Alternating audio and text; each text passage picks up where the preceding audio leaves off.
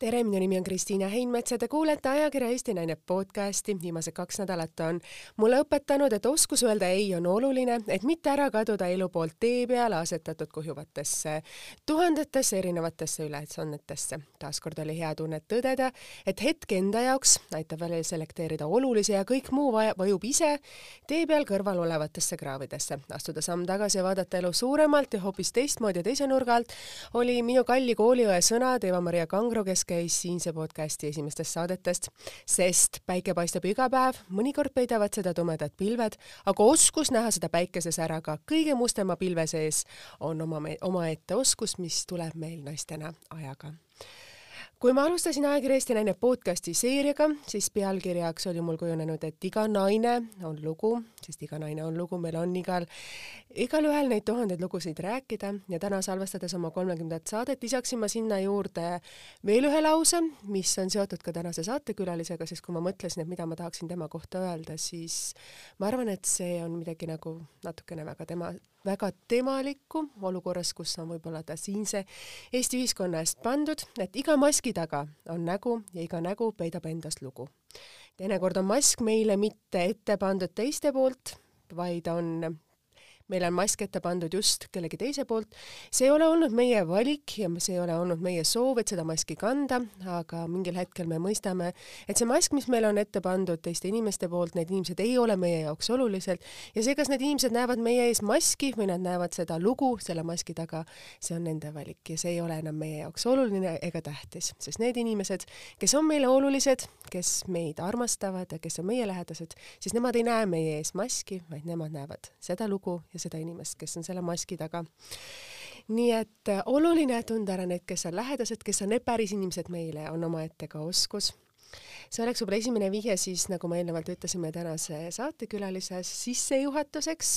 sest meie esimesed kohtumised olid hoopis teises rollis, mina olin siis intervjueeritav ja tema oli siis intervjueerija rollis. mina pidin vastama erinevatele küsimustele aeg-ajalt, ma, kuidas öelda, siis pööritasin silmi, sest ma ei teadnud, milliseid neid vastuseid anda, kas rääkida päris ausalt otse või leida kuidagi küsimusele natukene möödapääsev vastus, sest ka tihti nähakse minu minu ees maski, mitte seda päris inimest ja kas ma soovin olla see haavatav inimene, et ma näitan enda nägu selle maski tagant või ma jätan ette selle ühiskonna poolt samamoodi mõnes mõttes minu ette pandud maskiks, sest nii on lihtsam, kanda maski on alati lihtsam.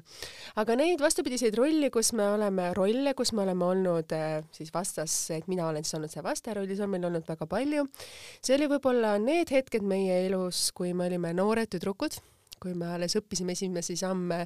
naistena, siis siin suures karmis maailmas, kuidas hakkama saada ja me ei teadnud, millised rehad meid ootavad. ja tänaseks me oleme aru saanud ja need, nagu ma alguses ka mainisin, on elu teinud oma korrektuurid ja need rehad, mis on elu meile siia teede peale pannud, mida me ei taha, et nad oleks, on ise kraavidesse vajunud. ja täna me mõnes mõttes võime öelda, et need, see tee on palju puhtam, palju ilusam ja täpselt selline, nagu me võib-olla siin paarkümmend aastat tagasi, kui meil need esimesed kokkusaamised olnud, ei osanud unistada ega näha, et ka nii on võimalik oma elu elada. nii et ka TV3 on olnud üks meie omavaheline seotus ja võib-olla ka mõtted ja oskused, kes me inimestena oleme ja oskus näha sinna maski taga, oli see periood meil elus, kus võib-olla öelda ausus ja ausalt jagamine ja ausalt ähm, mitte varjamine oli võib-olla mingid need hetked, kus me nagu tundsime kuidagi sellist ühisust vasju, et kui sa arvad, et sa oled ühe asja eest väljas ja mingil hetkel sa tunned, et ähm, midagi on nagu valesti ja sa tunned, et sa ei ole ainus selles olukorras, vaid on ka teisi inimesi, kelle jaoks on mõned asjad valesti, et siis nagu tekib selline kokkuhoidmistunne, kus siis need maskid, kuidas öelda siis, kaovad inimeste eest ära ja tuleb see lugu ja siis me näeme seda päris lugu, kas see on meie jaoks, kas on see päris inimene, kes sobib meile või see inimene ei ole meie inimene. nii et tere tulemast, selline teistmoodi sissejuhatus täna Katrin Lust tere, tere, Kristiina, õudselt äh, tore on su häält kuulata siit klappidest, et äh, teistmoodi teistmoodi, et ma olen ju sind varem näinud televiisorist ja ja sul on nii hea tämber, et ma oleksingi võinud praegu kuulama jääda, et sa oled väga õiges kohas ja ja see sissejuhatus oli väga-väga ilus ja tahan öelda ka seda, et et tegelikult on väga kiire ja intervjuusid annan harva aga minu meelest on tore siin istuda täna sellepärast just siin, et äh, me tunneme üksteist ja saame rääkida just äh, barjääride vabalt, äh, seesama kena sissejuhatus, mis sul just siin oli aitäh nende ilusate sõnade eest, ma ei oska komplimente vastu võtta, sest võta. aitäh sulle, sest äh, millegipärast on elus nii, et komplimente tehakse vähe ja kui me oleme lapsed, siis meile võib-olla öeldakse neid vähe, et noh, tollel ajal oli ajastuni ja siis pigem on, tekib minust selline kohmetus, kui keegi ütleb midagi hästi, sest no vot, ma olin Inglismaal, elasin äh, aastaid tagasi ja, ja mäletan nii täpselt, kuidas äh, inglased tegid ju pidevalt komplimente, et vau, kui ilus kleit või sa näed täna vapustav välja ja alguses eestlasena ma ju kogu aeg ütlesin, et ah, mis sa räägid ja, ja see, see on mul üldse esimene valik kapist, mis ma täna selga panin ja käitusin nagu selline tõeline maakas. ja siis üks inglane Briti härra ütles mulle, et kuule, tüdruk on ju, et lihtsalt ütle thank you, thank you so much noh, et lihtsalt ütle aitäh ja mul minu meelest eestlastel ongi see komplimentide mm, nii-öelda saamine. oskamatus neid öelda ja oskamatus öelda aitäh. või siis on see nagu, et miks ta seda ütles mulle, mis ta tahab minust? Et, äh, et, äh, et noh, võib-olla see on ka selline välismaalt külge jäänud komme mulle, et kui ma ikkagi midagi tunnen, et keegi teeb midagi hästi, ma alati ütlen ja ja minu meelest sinu häält kuulda siin podcastis on, on väga fantastiline. Aitäh sulle, siis ma ütlen inglis, inglaslikult äh, võttes üle siis selle terminoloogia thank you very much ja ütlen seda päris südamest, et aitäh sulle nende ilusate sõnade eest. aga tulles tagasi minu tämbri juurde, siis nagu ma ütlen jälle ennast välja vabandades, nagu mul on komme, siis ma arvan, et eh, ükski inimene, kes teeb saadet või teeb tööd oma häälega, siis ta kunagi ei suuda lõpuni seda kuulata. näiteks kui ma hakkan neid lugusid läbi kuulama, oma saateid, siis ma alati võtan aega, sest see, kuidas sa ise räägid, on ju midagi teistmoodi, see, kui sa räägid, kui see, mida sa ise sisemiselt kuulad oma häält. ja kuulates ennast või nähes ennast televiisorist, on midagi muud. ja see on minu jaoks alati nagu mõnes mõttes sammu ületamine, et ennast kuulata, sest sa näed ja näed ja koged neid vigu, mida sa teed, mida sa võiksid paremini teha ja siis kuidagi sellega harjuda, et jah, sa teedki neid vigu või jah, su hääl ongi selline või sa, sõnad jooksevadki kokku, et, et see on nagu omamoodi jälle. lihtsalt tee rohkem podcast'e nagu minul Kuurja puhul, et ma ei jõua neid enam läbi vaadata ja, ja analüüsida, et kus mul see hääl on üleval või all, et lihtsalt tee oma tööd ja minu meelest ei ole su tämbril midagi viga. aga kui sa saatet alustasid, siis me mõlemad alustasime ju nii-öelda oma telekarjääri TV3-s, et,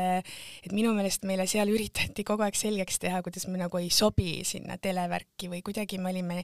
olime arusaamatud ja, ja nii-öelda nagu tõrjutud. et äh, mul on hea meel näha, et me mõlemad oleme seda teed edasi käinud ja ei ole alla andnud, et oleks võinud ju lihtsalt ukse kinni panna ja ja minna teha mingeid muid asju, aga me ikkagi rühkisime edasi ja, ja teeme täna üsna edukalt neid asju, mida me teeme. aitäh sulle, et jah, selles mõttes oli küll, et miks ma ütlengi, et ma ei suuda oma häält kuulata, sest mulle on eluaeg öeldud, et sul on hästi kuidas öelda, ei ole hea hääl, su hääl ei sobi televisiooni, su hääl ei sobi nagu rääkima, et sinu tämber on absoluutselt vale, et äh, nagu keegi kasutas kunagi minu algusaastatel, minu esimestel, kui ma olin seal kahekümnendate algustel, et sul on porgandi hääl et siis need asjad on mulle nagu külge jäänud. Ja Eks... kui ma alustasin podcast'i tegemist, siis, siis ma mõtlesingi, et ma teen seda täpselt nii, nagu ma teen, ma räägin nii, nagu ma päriselt oskan, mis on mu päris hääl, ma ei hakka neid keeltekoolist või keelte, kuidas hääleseadetest külge pandud, et räägi nüüd nii või tee nii. ma unustan selle ära, vaid ma räägin päriselt otse, kellele meeldib, see meeldib, siis need on minu inimesed ja kellele ei meeldi, siis ma ei kanna enam seda maski, et mõnes no. mõttes ma arvan, me oleme täna, nagu ma ütlesin, siin äh, mõlemad sinnani jõudnud. ja et kui, kui Kristiina, sul on praegu ka nooremaid kuulajaid ja kellele tehakse samasugust kriitikat, nagu meile on tehtud, et tegelikult on ju üritatud meid panna mingitesse raamidesse, et ja. sa pead rääkima nii või naa või pead käituma eetris nii või naa et äh, mina isiklikult olen täpselt sama meelt, et kui sa lased oma maski, maski alla ja ei ürita olla keegi teine, et ja. hästi palju on meil nagu just teles. valehäbi on nagu sellist või, või sind nagu üritatakse sind nagu muuta kellekski teiseks ja kui sind pannakse teise inim-, tehakse sinust keegi teine ja sa oled selles rollis, siis sa tundudki selline, kuidas nagu ebardlik natukene, sest see ei ole sina ja kui see ei ole sina, siis sa mõjud ka võltsilt ja võõralt no just, et, et mina arvan seda, et minul on ka öeldud, et mul on porgandi hääl ja ma olen üleüldse väga imelik ja kellele ma üldse peaksin sobima. aga näed, kakssada tuhat inimest eh, nädala jooksul ikkagi vaatab ja neile meeldib see siirus ja võib-olla nad on samasugused nagu mina, et nad tunnevad midagi ära ja, ja täpselt samamoodi igale inimesele on oma nišš. Et eh, kui sul on, eh, kui sul on kõrgem hääl, aga, aga sul on meeletu soov võib-olla ikkagi minna ja teha mingit asja, ma arvan, et see töökus ja vaev kaalub igal juhul üle selle, mis, mis öeldakse, et üks või teine ainult sobib ühte või teise kohta, et et äh, jah, et kuulake vähem kriitikat või siis võtke seda kriitikat, mina olen ülitänulik neile, kes on mul elu jooksul halvasti öelnud. et kõik, kui kõik oleks mind kiitnud, siis ma ilmselt ei oleks pooltki nii töökas, kui ma täna olen. et kõik need igasugused sellised äh, allatõmbamised, et äh, kus on halvasti öeldud ja võib-olla lähed koju ja, ja nutad patja, tegelikult on jõudu andnud, et sa ikkagi järgmine hommik tõused üles ja mõtled, mis asja, nagu päriselt või? et äh, ma ei kavatse seda kuulata, ma lähen oma asjaga edasi ja vot see ongi see noh, et vahel ei peagi ju võtma seda kriitikat, et oi, mingid inimesed on meie vastu nii pahad olnud, tegelikult on nad hea teo teinud ja, ja kõigile kuulajatele soovitan sama, et kui keegi miskit ütleb, et võib-olla see just ongi see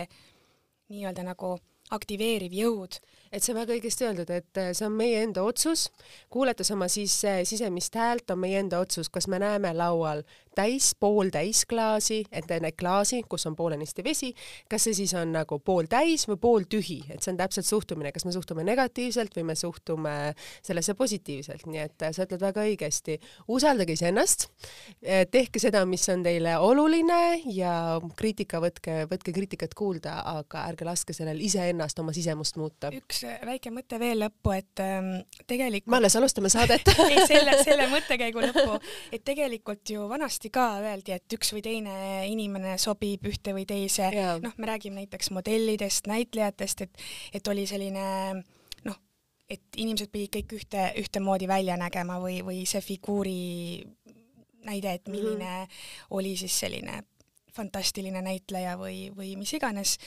aga täna meil enam seda ei ole, kindlat mudelit meil enam just, ei ole. et mulle just mm -hmm. meeldib, et see tänapäeva sotsiaalmeedia, kõik need Tiktokid, Instagramid, et kui me vaatame ka, et näiteks äh, suuremat äh, sorti naised, eks ole, kui palju neil on maailmas jälgijaid, kuidas, kuidas nad panevad endale bikiinid selga ja seal on miljoneid äh, südamekesi pillutud, et, et noh, et si-, see on nagu lahe, et tänapäeval Tiktokis äh, võib-olla noh, sinu puudus hoopis mängib sinu kasuks ja nii edasi, et et selles mõttes on see internetimaailm nagu tohutult laiendanud neid võimalusi kõigil maailmas läbi lüüa ma arvan, pigem see on ka see, et inimestele meeldib päris elu, päris inimesed ja päris asjad. et seda võltsi ja seda ära raamitud ja välja selekteeritud, puhastatud asju võib-olla ei ole hea, et nii nagu meil sai on ilmselgelt hea, seda on küll hea süüa, kooki ka, aga võib-olla see sepikleib ja erinevates kastmetes on palju maitsvam ja palju rohkem minulikum kui see, kuidas öelda, peensüsteemi kõige peenemast jahust valmistatud sai. väga hästi öeldud aga lähme nüüd oma päris saate juurde, et me siin oleme teinud sissejuhatuse oma elulist sellistest käikudest viimased paari, paarikümne aasta jooksul, aga hakkame pihta, nii nagu me alati alustame, et hakkame algusest, et ma tean, et sul ei ole olnud kõige lihtsam lapsepõlv et see on olnud päris keeruline aeg ja sa oled seda, ei ole ka seda varjanud, vaid oled seda nagu julgenud nagu sellest ka rääkida. et kui me siin alguses ka ütlesime, et tegelikult ju meid ju lastena ei õpetatud olema, kuidas öelda, ise oma emotsioone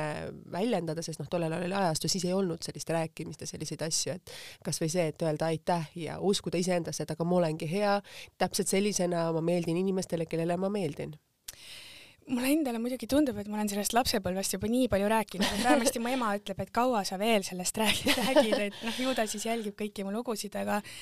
aga lühidalt äh, kui sa vaatad nüüd naisena tagasi, et äh, võib-olla mis oli seal head ja mis ei olnud seal head ja mis on nagu võib-olla need õppetunnid, mida sa sealt kaasa võtad, et et tegelikult lapsepõlv kujundab meis väga palju need fundamentaalsed need asjad, mis on meie jaoks nagu olulised. et noh, minul näiteks oli kuidagi ausus oli pere sees ja siis kasvõi seesama reegel, et ära tee teisele kunagi seda, mida sa ei taha, et sulle tehakse. et nagu sellised nagu laused, mis sulle jäävad ja mis olenemata, mis olukorrad sul elus on, need määravad sinu otsuseid ja just selliseid eluliselt tähtsaid otsuseid, kus sa natuke mõtled, et mida sa tahad elult saada või kuhu sa tahad oma elul tüürida, siis need on need sõnad, mis on nagu kõige olulisemad, et võtaks võib-olla ta niimoodi kokku siis. jaa, et eh, noh, ma kasvasin üles üheksakümnendatel, ma olen sündinud kaheksakümne teisel mm -hmm. aastal, aga noh, ütleme nii siis, et inimene ikka hakkab mäletama ennast ju alles mingi noh, ütleme siis nii, et vabariigi algusaegadest ma mäletan natuke ka kaheksakümnendate lõppe või lõppu aga noh, see oli selline vastuoluline aeg üleüldse, et üheksakümnendatel ju meil tekkis oma raha,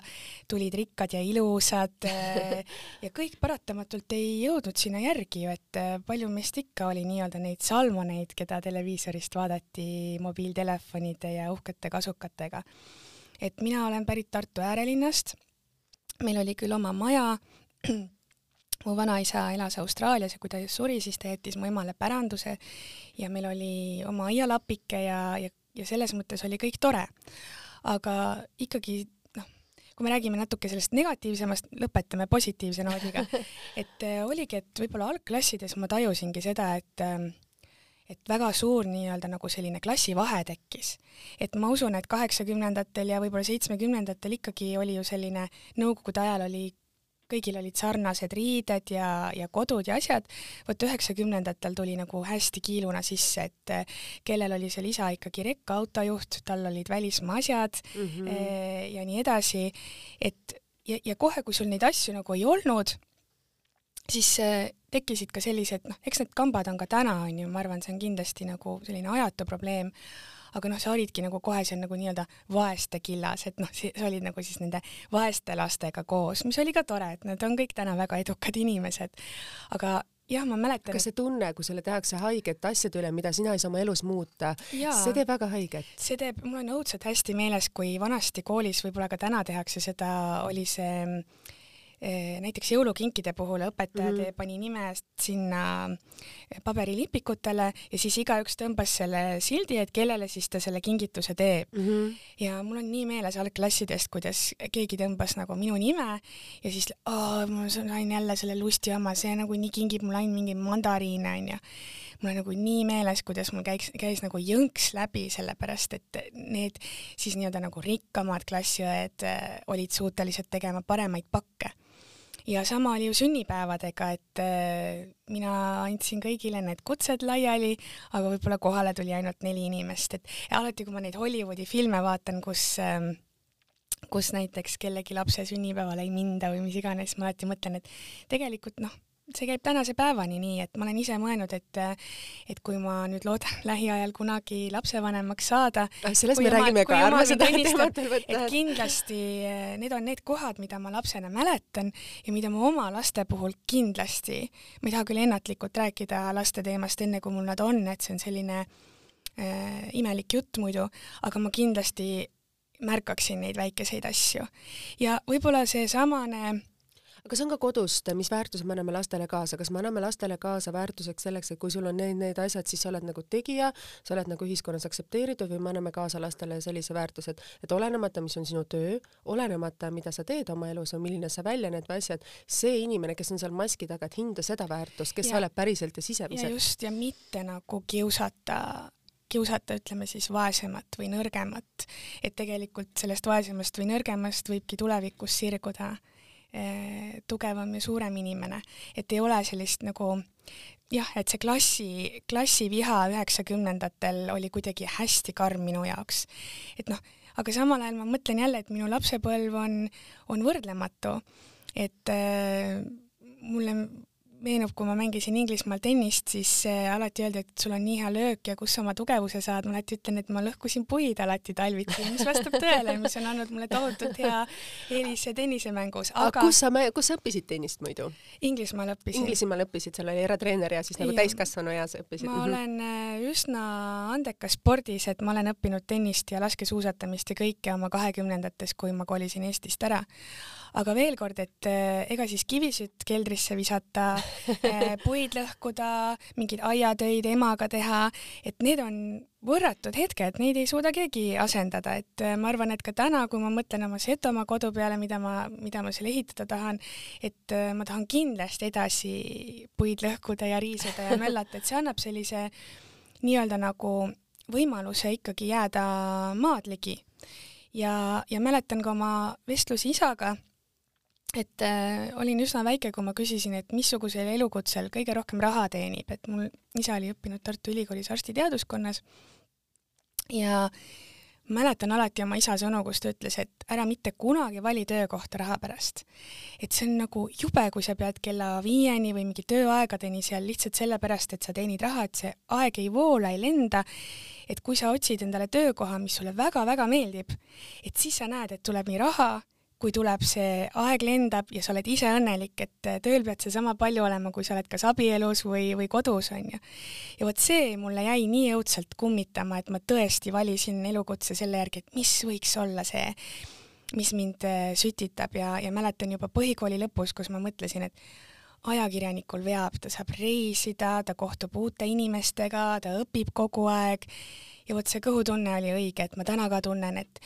see on minu töö, ma ei oleks kujutanud ennast ette, ma käisin Tartu Tamme gümnaasiumis mm -hmm, hiljem yeah. bioloogiaklassis, et see oli nagu arstiteaduskonna siis ettevalmistus, meilt läks väga palju just arstiteaduskonna või, või keemiat õppima või mm -hmm. farma-, farmatseutikat.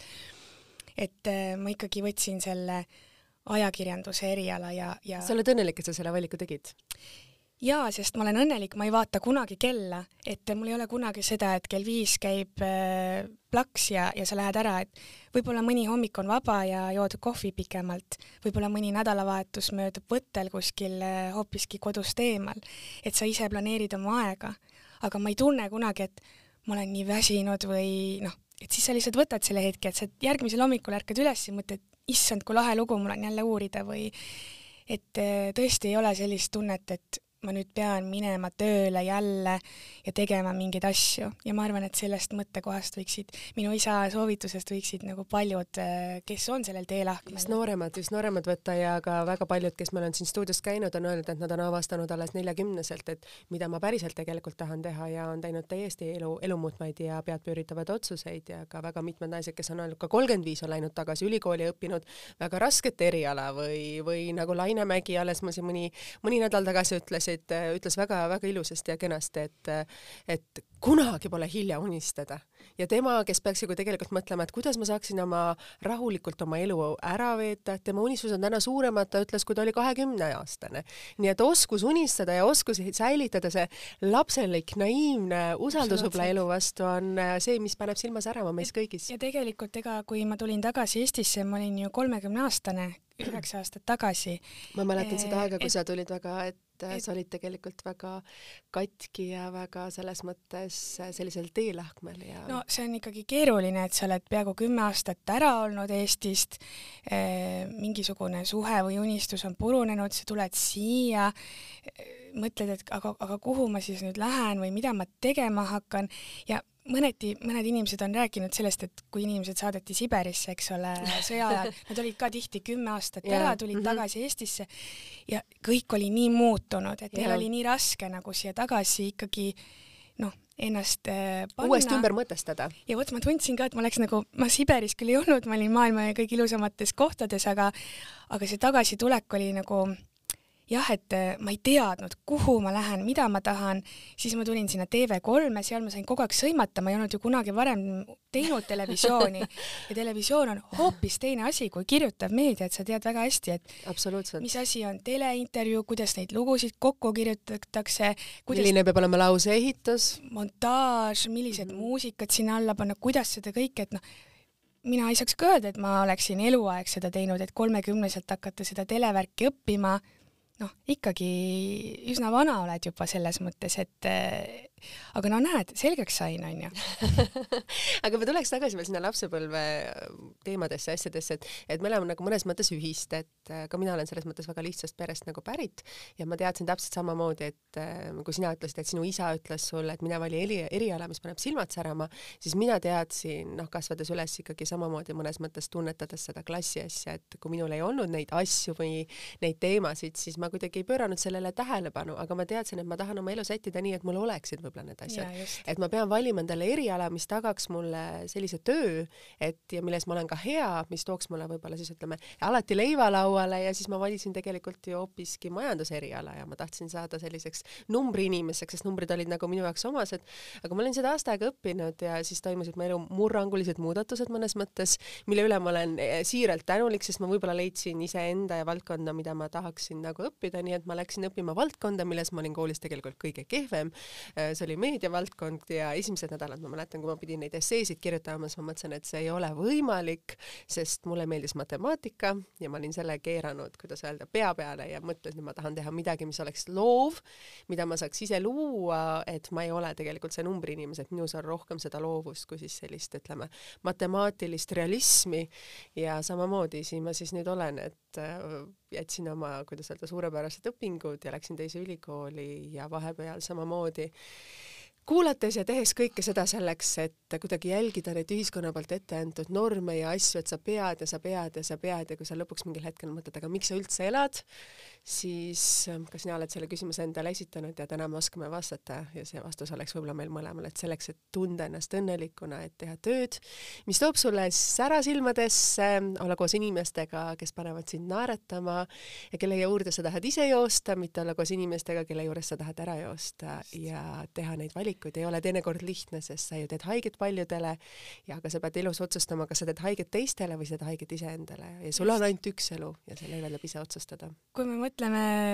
ma arvan, et võib-olla isegi üheksakümnendatest tulles sarnaselt, et ähm, jah, loomulikult sa pead jääma iseendaks, aga ma mõtlen veel oma lapsepõlve peale, et, et selline vaesusele rõhumine oli kogu aeg minu puhul, et noh, ma olin mingi lapitud mingisuguse, ema lappis ära mingi talvejope ja, ja noh, ja ma olin sellise dilemma ees, et äh, ma teadsin, et koolis narritakse sellepärast, et ema mul ära loppis, aga siis ma nägin, kuidas mul ema nõelus seda mantlit, millise armastusega ta ise arvas, et see näeb nagu nii äge välja, et tema ju ei teadnud, et koolis nagu halvasti öeldakse. et vot sellised dilemmad mulle meenuvad ja kui me räägime nüüd tänasest päevast, siis kindlasti see on mind nagu kannustanud, et ikkagi töökoht võiks teenida ka seda raha, et oleks see turvatunne, et et, et seda majanduslikku mitteturvatunnet oli lapsepõlves, et eriti kui isa suri, kui ma olin viisteist, väga tihti me ei teadnudki emaga, et kuidas me selle talve üle elame nagu päriselt, et kas me jõuame need puud osta ja ja, ja oma maja ära kütta või me peame maja maha müüma ja kolima korterisse, et et need olid lapse jaoks hästi hirmutavad. et kui ma täna vaatan ka, et hästi palju räägitakse sellest, et asjad on, eks ole, mõttetud ja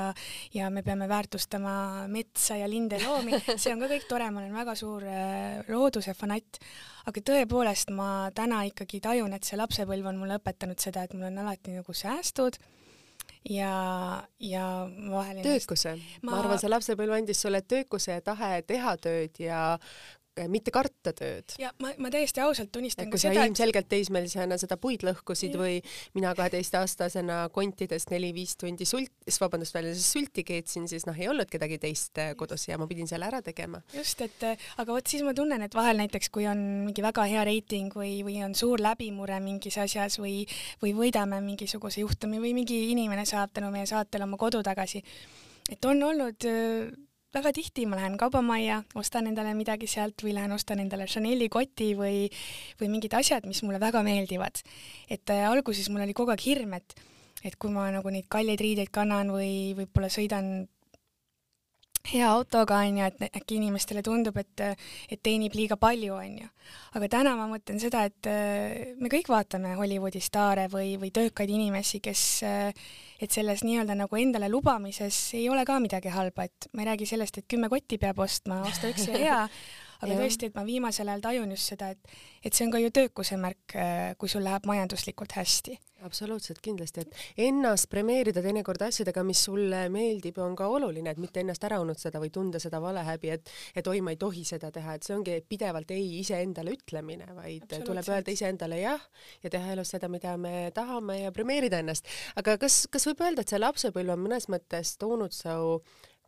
noh, sind ju nimetatakse mõnes mõttes ju selliseks inimeseks, kes võitleb nagu tavainimeste õiguste, tavainimeste selliste äh, lihtsate inimestega nagu suhtlemine, et see on teinud ju selles mõttes sinust ju hoopis, hoopis teise kuvandiga inimeseks ja sulle nagu heidetakse pidevalt ette, et ah, sa oled ikka see babe umbes, ah, sa oled nagu mõnes mõttes nagu sealt Inglismaalt, et see kuvand käib sinuga kaasas ja pigem tahetakse seda presenteerida, aga hinnata tegelikult, tegelikult, kes see oled, kes sina oled mõnes mõttes selle maski taga, et, et tegelikult see on, kes sa oled, see, kes sinu, see, kes sa ju lapsepõlves kujunesid, see, mida sa vahepeal tegid selleks, et kasvada suureks, saada päris naiseks, viis su jälle samamoodi tagasi selle juurde, mida sa tegelikult armastad, nii et võitlus võib-olla selliste nõrgemate väetite eest tuleb sul ju lapsepõlves, sest sa ise kogesid seda. no see kuvand, mida meedia üritab minust näidata, no see on, see on ilmatuma vale et ma olen absoluutselt nõus. näidatakse kogu aeg, et mm -hmm. mingisugune skandaali otsija ja, ja kõik, et et tegelikult ma viimasel ajal ärritun nende lugude osas äh, vähem ma ei annagi eriti intervjuusid, sest kui inimene ei tunne mind, see intervjuu tulebki selline,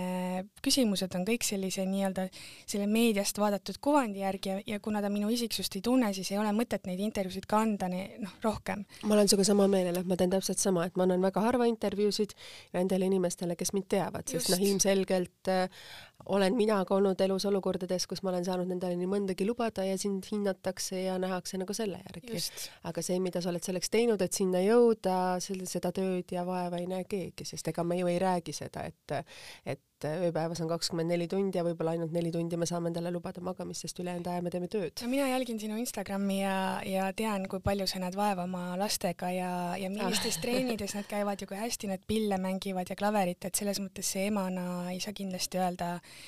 et äh, sa oled ikkagi väga-väga töökas ja tubli naine. aga mis ma tahtsin aitäh, sa käskisid öelda just, mis ma tahtsin veel eda-, e-, enne öelda, et äh, sa küsisid selle kohta minu lapsepõlve kohta, et tegelikult ma ju ei käi oma lugusid kuskil kellegi ukse, ukse taga kraapimas, et mul on tänagi siin kotis märkmik, kus on sada teemat ootejärjekorras, ma ei tee nalja. et inimesed helistavad pigem ja on pahased, et miks ma ei saa sinna saatesse, ma juba aasta aega ootan et neid lugusid, mida mulle usaldatakse, on palju, mina ei käi neid otsimas kuskil, inimesed ise tulevad minu juurde. Esiteks on see suurim kompliment. ja teiseks mulle tundub, et kui ma hakkan neid lugusid uurima, siis äh, minu lapsepõlv mängib hästi tugevat rolli, et ma oskan nendes olukordades suhestuda ma saan ja. aru sellest lapsest, kes võib-olla elab seal vanaemaga ja, ja neil on pliit katki ja,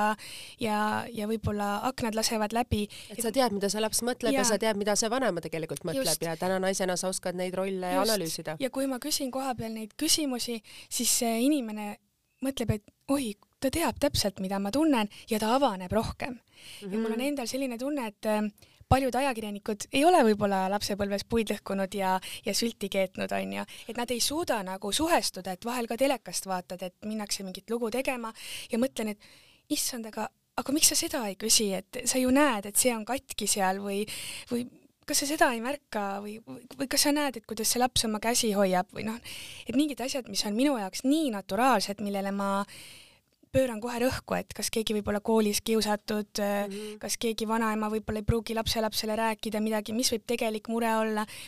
et vot seda, seda ei saa keegi mulle kompenseerida, äh, kui et lapsepõlv just need ükski haridus, ükski asi, mida sa oled elus õppinud, ongi see sinu enda kogemus ehk su enda fundamentaalsus, mida ma ennem ka ütlesin, et see määrab meid. et, et ma arvan, et see ongi selline kuurija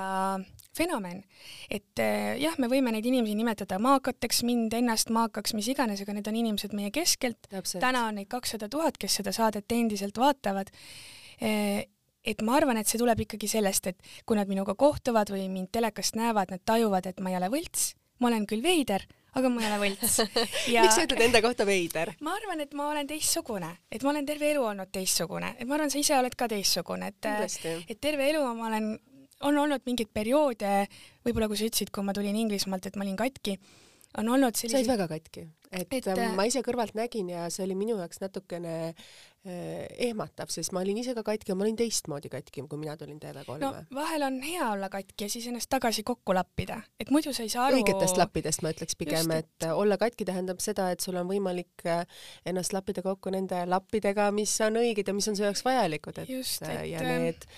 kõik teised asjad vajuvad kraavi. et Inglismaalt tulles võib-olla oli ka see, et kogu elu ma olen nagu mingitel hetkedel ma olen olnud on ju enda moodi, eks ole, ja võib-olla kui ma tagasi tulin, siis mind taheti suruda sellesse konteksti, mis siin oli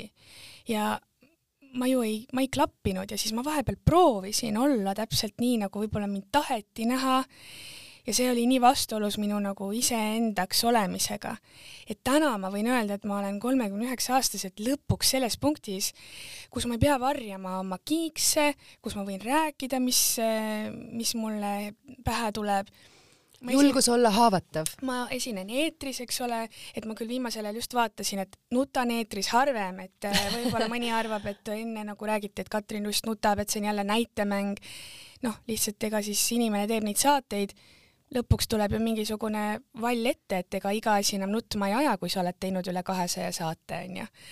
aga ma olen ikkagi seesama inimene ja ma ei ole mingitesse raamidesse surutud ja ma ei ole läinud seda teed, ma arvan, et väga suur osa naisi läheb seda teed, et üritab olla kellegi moodi, mis tuleb kindlasti meil kõigil elus läbida, et alati meil on mingid iidolid, kelle moodi me olla tahame. absoluutselt. aga olla. üks osa kasvamise protsessist. aga olla iseenda moodi ja lüüa selle kiiksuga läbi, et kui me vaatame ka tuntuid kunstnikke ajaloost, näitlejaid,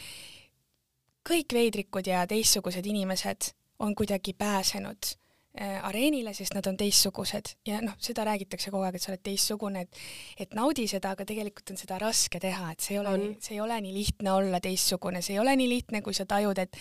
et äh, su kolleegid naeravad su üle või või tehakse mingit lolli nalja või, või televiisoris tehakse lolli nalja sinu kohta, onju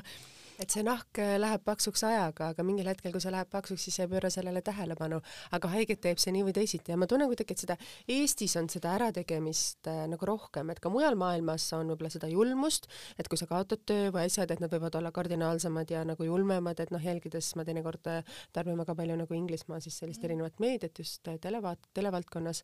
et kui sa loed neid, kuidas neid inimesi vallandatakse, kui, kuidas neid saatejuhtisid palkatakse, et kui suur on tegelikult seal see konkurents ja asjad, aga ikkagi nagu sellist ärategemist või haiget tegemist meedia poolt, et seda nagu nii palju nüüd ei ole. no mina Eestis ütleks, on mina nagu ütleks, et nagu et välismaal on tempo, noh, me räägime Londonist, kus ma olen pikalt olnud, kuigi ma olen Mhm. elanud ka, ka LA-s ja Buenos Aireses, aga see tempo on hästi halastamatu ja kiire, sa kas jääd pinnale või mitte mm. -hmm. ja, see ja töökus, see määrab sulle Just. töökuse, et kas sa lubad endale laiskust, kui sa lubad laiskust, siis sa ei, siis sa ei püsi sellel rongil. aga vot Eestis ma tunnen jällegi, et tempo on aeglasem. Noh, ma ei jõua nii palju teha, inimesed küsivad, kuidas, kas sa ei rabele ennast surnuks. ma ütlen alati, et kuulge, te inimesed ei ole Londonis elanud, et mis seal, noh, mis tegelikult suurtes New Yorgis, Londonis toimub, see töötempo on hoopis teine. No sa oledki maailmaga võidu, et mul on ja ilmselgelt, kui sa elad üksinda kuskil saare peal, siis see on kõige, kõige aeglasem tempo üldse Just. ja igale inimesele sobib erinev tempo ja elada maal üksikus talus on jälle omamoodi. aga oma kaasmaalasi ma tahaksin kritiseerida, et, et me oleme kindlasti number üks kohal selles, et äh, kui keegi tahab öelda kellelegi väga halvasti ja teha nagu hingepõhjani haiget, siis eestlane on kõige parem selles. et inglane teeb ka haiget, aga see on selline pinnapealne, et äh, ei minda isiklikuks ja ei rünnata Just. inimese isiklikkust. et ta ei lähe sulle sinna hingepõhja, et ta ei, ta ei katsu su, ütleme siis niimoodi, et lapsepõlve või, või sinu luid mm. -hmm. ja, ja, ja, ja sinu eh, lihaseid seestpoolt, onju. aga vot eestlane, kui ta tahab halvasti öelda, siis ta ütleb niimoodi, et see sisuliselt sul käib nagu jõnks seest läbi, et see on ikka nii korralikult halvasti öeldud. et selles me oleme maailma parimad. sul on neid hetki olnud kindlasti elus hästi palju, kuidas sa nendest hetkedest üle saad, et sest ma arvan, et nii paljud kuulajad samamoodi tajuvad, noh, kõige lihtsamas kasvõi vahet ei ole ju tegelikult, meil naistena on need probleemid, kas me töötame Selveri kassas või me töötame suures ministeeriumis äh, ilmatuma suhkes, äh, kuidas öelda, büroos, on tegelikult ju see inimsuhted ju täpselt sarnased, võib-olla noh, samamoodi see olenemata su töökohast, sul on ju samasugused unistused ja samasugused asjad ja samasugused on tegelikult ka suhted ja võib-olla see teravus on eestlastel ju igal pool, et kuidas sina oled nagu üle saanud nendest asjadest? no alguses on olnud selliseid punkte, kus sa proovid kellelegi toetuda, et eh, võib-olla siis olen oma leida enda kõrvale inimese, et al- ja et võib-olla alguses ma õudselt palju kurtsin oma emale, aga mingil hetkel ma nägin, et ta elab neid nii suure mm, valuga ise üle, et ma tegelikult nagu koorman teda oma muredega. eks siis on need lähedased järgmised, kes, kelle poole sa proovid nagu nõjatuda, ma olen nagu proovinud, et ma räägin oma mured, siis mulle tundub, et võib-olla nagu päris täpselt, ega need noh, nagu ütleme siis niimoodi, et, et ega mees päris täpselt naist ei mõista, kui tal on valus, et talle tundub lihtsalt, et jälle ta siin mingi pisarad voolavad ja ma ei tea, hormoonid möllavad ja, ja äkki varsti hakkavad tal päevad või midagi, vabandust, oleme eetris, aga no nii nad näevad meid, et meil on nii-öelda nagu tujud. ja viimasel ajal ma tajun seda, et vot ise ise üksinda sa saadki tegelikult olla endale kõige suuremaks toeks, et kui sa leiad selle sõbra enda seest üles, et see on loomulik, et alguses sa otsid mujalt seda tuge, et võib-olla sõbrannalt, sealt ma olen saanud mitmeid kordi nii-öelda kõrvetada, kus mu saladused on läinud liikuma, neid ma ei usalda ammu. Mehed arvavad alati, et noh, naiste värk, eks ole, onju, emale ma teen liiga ja vot nüüd ma olen selles punktis, kus ma nagu mõtlen, et sa oled iseenda kõige parem sõber. just, et kui mul on väga-väga raske, no siis ma lähengi, mul on isegi üks hommik, mäletan, et ma jooksin Tallinnas Irve pargis ja nutsin ja no jooksin ja nutsin ja mõtlesin, et issand jumal, et ma nagu nutan, aga need olid nagu nii head pisarad, et ma sain nagu selle, selle nagu, ma ei mäleta, mis mulle too päev haiget tegi jälle, aga vot ongi see, et mõtled, et nii, nüüd ma pean minema jooksma või, või rullitama või ma lähen kõnnin lihtsalt koeraga, lähen kõnnin läbi vihmasaju ja mõtlen oma mõtted selgeks. Ja, ja vahel ei mõtle ka, lähen magama ja, ja ja ärkan üles. jälgid oma sisetunnet, et ma olen ise ja. jõudnud täpselt samamoodi, et jälgi oma sisetunnet ja tee seda, kui sa tahad, kui sa, kui sul on vaja, astu samm tagasi või mõtle nende detailide üle või mine tee seda, mida sa praegu tahad, kasvõi kõige crazy mat asja, no mina käisin siin kolme, õues oli kolm kraadi, rullitasin talvejopes, näpud no, olid ära külmunud, ma pean tunnistama no,. aga see oli see vabaduse hetk või vabaduse tunne, mis ma vajan, seda rullitust, seda kiirust. et, et kes saab sulle seda nõu anda, et me väga mm -hmm. palju kuuleme seda, et küsitakse sõbrannadelt nõu ja see nõu. mida teha, aga see ei ole tegelikult see, mida sa seesmiselt tunned, vaid kuula võib... sisetunnet ja tee seda, mida su sisetunne ütleb, et kasvõi kõige rumalamaid asju või kasvõi räägi oma emotsioonidest välja, nii nagu sa päriselt mõtled, mitte nagu teiste või raamatute, õpikute järgi. just, et väga palju on ju neid kordi, kus sõbranna võib-olla annab nõu, et mine lahku või tee seda või ja siis pärast kahetsetakse, et võib-olla see sõbranna ei olnudki nii pahatahtlik, aga tema lihtsalt ei tea su elu, ta ei tea, kui väga sa seda inimest armastad, mis on su, mis on su nelja seina vahel tegelikult toimub, võib-olla mida see inimene sulle pakkuda saab selle kõrval, mis ta sulle haiget teeb, on ju, täiuslikke inimesi nagunii ei ole olemas. aga vot sellepärast mina ei lähegi oma muredes küsima nõu kellegilt võõralt, olgu see võõras on vale sõna. aga või... võõra arv, aga võõra või sõbra või lähedase inimese arvamus on ka oluline, sest ta aitab sul näha seda suuremat ja laiemat pilti ja samas ju näha ka mõnda teist nurka ja siis on lihtsam ja parem ju teha seda otsust ise, et noh, minu, minule näiteks on see, et mulle meeldib rääkida, ma olen väga suur, kuidas öelda, noh, rääkimisest ongi saanud mu töö mõnes mõttes, et mulle meeldib palju rääkida, ma räägin liiga palju isiklikke asju, mida ma ei tohiks teha, see on mu suurim viga, aga no ma proovin iga päevaga ennast selles osas no, parandada. aga, aga see oled sina sina, Kristiina, kui sulle sobib ja. rääkimine ja sul on väga kindel, noh, ma ka vaatan sotsiaalmeedias, sul on kindel sõpruskond, ei ole üksteist reetnud, te olete aastaid koos olnud, miks mitte? aga minu elu on sellises punktis, kus ma tunnen, et ma ei ole selline sõbrannataja, ma ei ole kohvitaja, ma ei ole koos shoppaja. kui lähen, lähen, kui lähen, kui lähen, lähen üksi eh, et eh, ja oma mõtteid ka, et ma olen nüüd selles punktis elus, kus ma tunnen, et kui on suur mure, võta aega iseendale. räägi iseendaga. räägi iseendaga. kuula vahel, ennast. just, vahel on nii, et ma ei suuda oma peas seda asja lahti mõelda, siis ma mõtlen, küll on hea, et saab tööle minna. et ma nüüd teen päev otsa tööd ja vaatan õhtul, kas mul tuleb see mõte uuesti pähe. Lähen õhtul korraga välja, mõtlen, aga see asi ei ole ju nii hull. et, et sa pead selle mustri üles leidma, mis sind toetab. et noh, minu puhul ongi sport, iseendale aja võtmine ja mitte nii väga teiste tüütamine oma muredega töö on hästi oluline, et sa tunned, et sa oled vajalik, et sa teed midagi, mis on kellegi jaoks oluline ja keegi ütleb sulle mõne hea sõna. kas või kõige lihtsam, kõige lihtsam töö, mida sa teed ja kui see sulle meeldib ja sa armastad seda, siis nii on, et see on mõnes mõttes jõud, et minna edasi. Ja ma arvan, neid tuhandeid häid sõnu, mida sulle on öeldud ka nende halbade sõnade kõrval, on ju tegelikult nüüd sinu otsus, et kas sa keskendud sellele väikesele halvale, mida presenteeritakse ka võib-olla avalikkuse ees rohkem või sa keskendud sellele heale, nendele kahesaja tuhandele inimesele, kes vaatavad ja kelle jaoks on see, mida sa teed, oluline? nojah, et äh, minu jaoks ka töö on, äh, ma olen alati mõelnud, et on ju ikkagi neid hetki, kus on hästi madal olla või madalseis. et äh,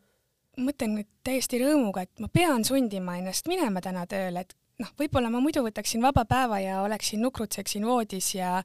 ja mõtleksin oma halbu mõtteid mm, -hmm. aga ma pean minema, ma pean selle intervjuu ära tegema, et just hiljaaegu oli ka kuidagi hästi raske oli olla ja ma pidin minema, mul oli kaks intervjuud ja, ja hommikul veel pisarad jooksid, mõtlesin, ma olen nii jõuetu või noh, kuidagi väga raske oli olla. ja ma surusin ennast välja, ma tegin need intervjuud ära ja ma tulin koju ja mul oli palju parem olla. et äh, ma ei kujuta näiteks ette, et ma ei käi tööl et äh, vot siis ma olen selline suur analüüsija ja muretseja ja võib-olla ma tüütaksin oma lähedasi kogu aeg, et kas te olete ikka elus ja terved ja kas te sõite ja et äh, et mulle sobib see ja siis äh, mulle, ma arvan, et ka kodus on see, et kui sa oled oma lähedastele nii-öelda rõõmsam ja, ja, ja kogu aeg mitte nii negatiivne, et see pikas perspektiivis ikkagi mõjutab nii sõprussuhteid ja, ja kõiksugu suhteid. aga ma, mina keeraks praegu teema täiesti siia, kuidas öelda, kardinaalselt eh, teiseks, et me alu-, alg-, algul alustasime selle rääkimist, mul endal läksid praegu korra mõtted nagu eh, noh, laiali selles mõttes, et et me oleme rääkinud hästi suure osa nagu selles saates nagu naiseks olemisest ja me oleme hästi palju rääkinud tööst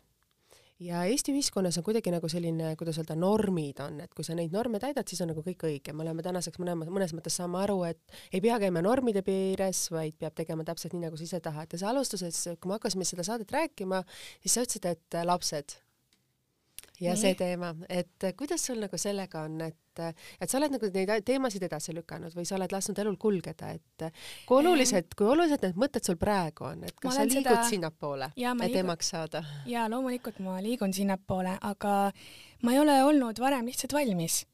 ja ma arvan, et emaks olemine on ju tegelikult, ähm, sa pead olema eeskujuks, sa pead olema tugevus, sa pead olema turvalisus mm, sul peab olema partner, äh,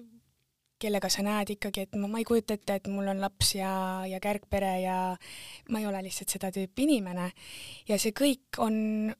minu jaoks olnud väga oluline, et äh, kui ma olin laps, siis minu vanemad tihti tülitsesid,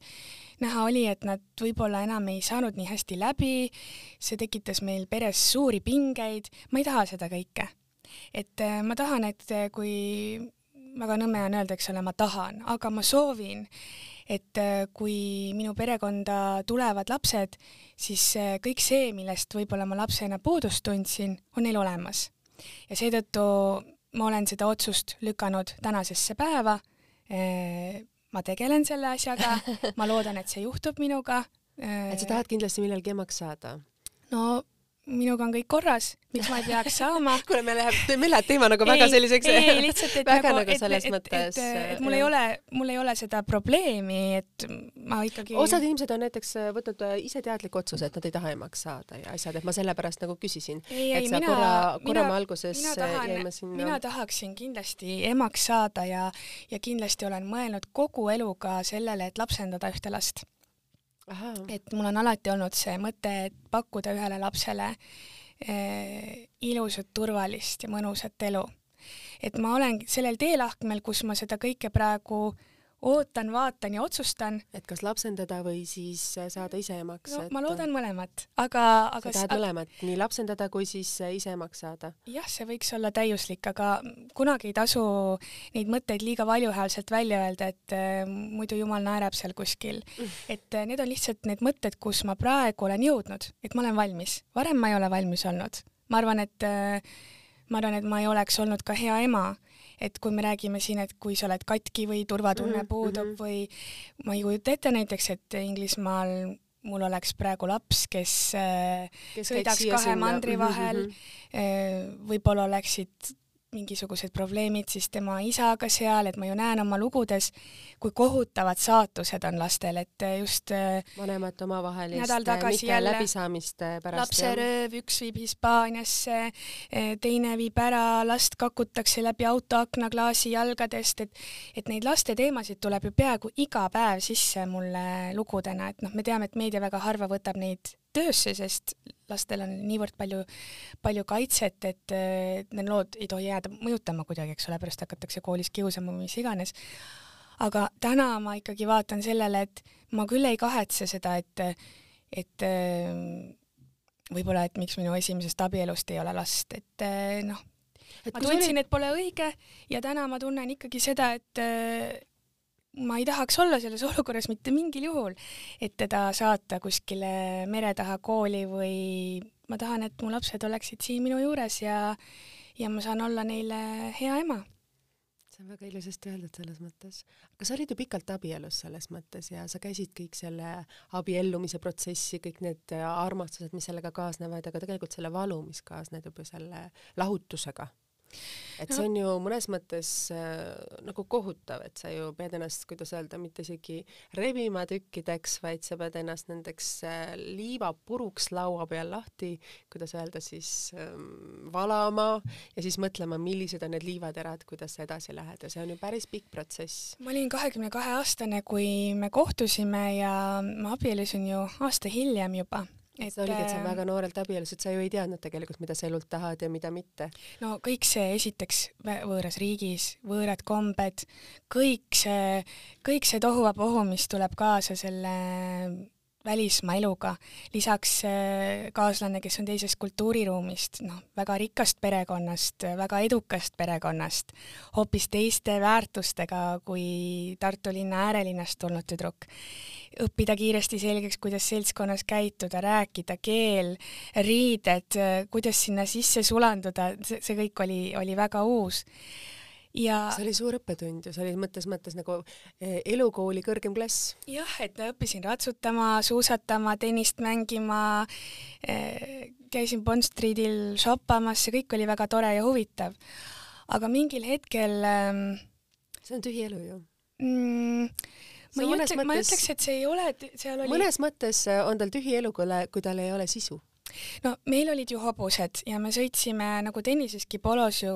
käib see sport nii, et äh, suviti Inglismaal, talvel Argentiinas, kus on siis Euroopa talve ajal suvi, vahepeal Floridas, et sa nagu käid maailma kõige paremates kohtades ja, ja mängid päiksepaistelistes kohtades polot, ratsutad, naudid, oled, oled basseini ääres, see kõik on äh, väga tore ja ma kindlasti väga nautisin, ma ei saaks öelda, et see on nagu tühi elu, et kõik iga päev sa õpid midagi uut, mingi uus riik, uued suhted, uued asjad, mida sa maailmas näed, reisid hästi palju, ma, ma ei tea kohta, kus ma poleks käinud, aga sa elad kellegi teise elu, see ei ole sinu elu, see ei ole Just. sinu valik ju. aga mingil hetkel ma tundsin just, kui ma olin kakskümmend seitse, kakskümmend kaheksa, et jah, ma, me läksime juba viiendat talve Argentiinasse, kõik kordus, need mängud, võistlused, needsamad õhtusöögid, barbecue'd, samad inimesed, Samad inimesed, siis läksime- asjad. Inglismaale, kõik jälle kordus äh, uuesti, siis Floridasse, kõik kordus, vahepeal küll käisid võib-olla kuskil paar päeva reisil, aga see oli nagu selline kordusplaat ja minul ei olnud seal võimalik kaasa rääkida rohkem kui et et äh, olla kena kaaslane, eks ole, kõigil olid ju superilusad naised polomängijatel, ei saanud neist maha jääda ja noh, hästi palju tegelesin spordiga, meeletult palju olin väga heas vormis aga midagi oli puudu. ja ma ei saaks öelda, et mul oli mingi kolmekümnendate kriis, aga ma tajusin, et ma olin ka suureks kasvanud, et ma ei olnud enam täpselt seesama tüdruk, kes äh, tahtis elada kellegi elu ja imetles võib-olla seda elu, mida see inimene, kuidas öelda, mis selle inimese Jah. elu oli, et et noh, tema jaoks olidki need hobused, ta ärkas hommikul vara ülesse, noh, kõik need ratsasportlased, need, see ongi lihtsalt, see on nende kirg. et aga kui äh, keeruline oli sul öelda, et ei, ma ei taha seda elu, ma astun siit välja. see oli ju meeletult raske see..., sest sa tulid ju põhimõtteliselt, põhimõtteliselt sa tulidki ju tagasi Eestisse kellegi teise taha tuppa voodi peale, ilma millegita. no põhimõtteliselt äh, oma mõne ilusa kleidi ja mõne kalli koti ja kingapaariga ja see oligi kogu lugu. ja No- alustasid otsast peale no no midagi ma ikkagi sain, et äh, mul on siin päris mõned kinnisvara asjakesed ka ja, ja päris korralikult kunsti ja, ja päris nii-öelda ma nagu vaesena tagasi Eestisse ei tulnud, et küllap ma tulin ikka kõvasti rikkama inimesena, et äh, kaks tuhat kaheksa hakkasin kunsti koguma, mul oli juba selline kunstikogu olemas, aga aga ma tulin selles mõttes vaesena, et ähm, võib-olla sa ise võib-olla sa ise tead ka seda, olles nüüd nagu ma saan aru lahku läinud, et et kui sa oled inimesega pikalt koos ja sa mõistad, et tegelikult hakkab see asi lagunema, seal on mingid asjad, mis ei tee sind enam õnnelikuks. Äh,, aga sa ei oska sellelt paadilt maha hüpata, eks ole, ja kui sa lõpuks võtad selle jõu kokku, et hüpata maha, siis on selline tunne nagu sul ei ole käsi või jalgu või, või midagi on puudu, sest inimene on nii harjunud olema selle teise inimesega koos. ja vot see on kõige raskem, nagu, nagu alustada uuesti üksinda, et, et me küll rääkisime päris palju telefoni teel ja ma ikkagi tajusin, et mul oli kogu aeg vaja nagu tema mingit arvamust, ega me ei ole tänaseni tülised, alles üleeile õhtul rääkisime telefonis äh, pikemalt, ta ütles, et ta abiellub uuesti kahekümne üheksandal mail ja ma soovisin õnne ja meil on nii-öelda head suhted. aga just see, et kui sa oled ikka väga pikka aega koos inimesega, et ta on nii suur osa sinu elust, et sellest ilmajäämine on väga suur lein. kui sa oled kümme aastat ikka söönud hommikuputru ja kellegiga juttu rääkinud ja ühel hetkel sööd hommikuputru ja ei räägi kellegiga, noh, vot siis tekibki see auk, et, et aga kus mu see sõber on, et jah, et võib-olla meil see noh, romantika on surnud ja on palju tülisid ja kõiki, aga sõber on ikkagi kadunud, onju. Et kas ma ja, ja noh, ilmselt ta tundis sama, et, et me ikkagi nagu suhtlesime ja, ja ma ikkagi küsisin, et kuule, mis sa arvad või aga ma arvan jah, et ma arvan, et päris kõige suurem osa sellisest lahkuminekust äh, me ei, me ei pruugi üldse rääkida ainult abielust, et inimesed elavad ju ka koos aastaid ja võib-olla kahe aastaga oled inimesega väga-väga harjunud. et just see üksi sellest inimesest nagu, nagu sõbrast äraütlemine on nagu, nagu minu jaoks olnud raske see on, kõik, mida sa räägid, on liiga, liiga aus ja liiga siiras, selliseid asju tavaliselt Eestis ei taheta rääkida, et abieludest ja lahkuminekud on tavaliselt selline tabuteema, et kui keegi nendest midagi räägib, siis need koguvad kõige suuremaid klikke,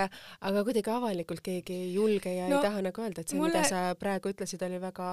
väga aus ja siiras. no mulle natuke võib-olla häirib see, et eh, kui ma sellest lahutusest või abielust räägin, minu käest küsitakse, siis pannakse sinna esikaantele ja, ja minu meelest on see nagu ebaõiglane minu uue elu suhtes, et et vanast rikkast mehest, mehest ei lahutata ja rikkast mehest ei lahutata. et noh, et vanast mehest, kelle, kellega sa oled juba noh, ma ei tea, aastaid nüüd lahus olnud, et me ikka räägime nagu temast või kuidagi, et see on minevik, see oli raske see ei ole osa enam sinu elust ja sa ei soovi, et seda sinuga enam seostatakse. jah, et, et inimene mai lõpus abiellub uuesti ja, ja, ja kõik on, kõik on meil hästi, et, et jah, et see nagu, see on minevik, sellega on hüvasti jäetud. lihtsalt ma räägin seda asja praegu siin ausalt, sellepärast et võib-olla meie kuulajate seas on on tuhandeid naisi, ma arvan, kes on täpselt samamoodi, et harjumus olla koos on olulisem kui tegelikult see, mis me seesmiselt tunneme, et nojah, ja teine asi kindlasti, mis mind päästis, ongi seesama töö, et ma sukeldusin nagu pea ees äh, seda televärki õppima, päevad läksid kiiremini, sügisõhtud ei olnud enam nii pikad ja noh, nii ta läheb ja, ja, ja elu läheb edasi ju ma olen sinuga absoluutselt nõus, aga ma näen, et meil on ukse taga juba inimesed, kes lehvitavad, kes tahavad siia tulla järgmist saadet teha me oleme küsi, rääkinud juba ebareaalselt pikalt küsi tänasest päevast ka, et ma jumala eest ei taha, et, et Katrin Lust jälle heietab oma mingisugust lahutuse teemat, et see ei, on. aga see saade ongi naistelt naistele otse ja ausalt ja ma arvan, et ma loodan vähemalt, et naised, kes kuulavad seda saadet, saavad seda,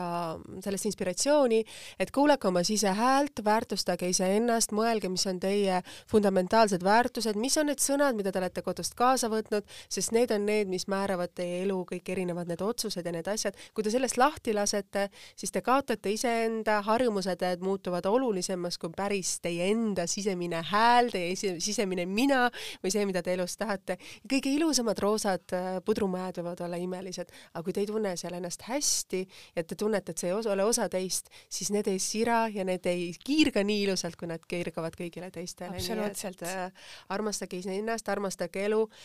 ja armastage inimesi enda ümber, kes on teile olulised ja kes on päriselt, et ka teid armastavad.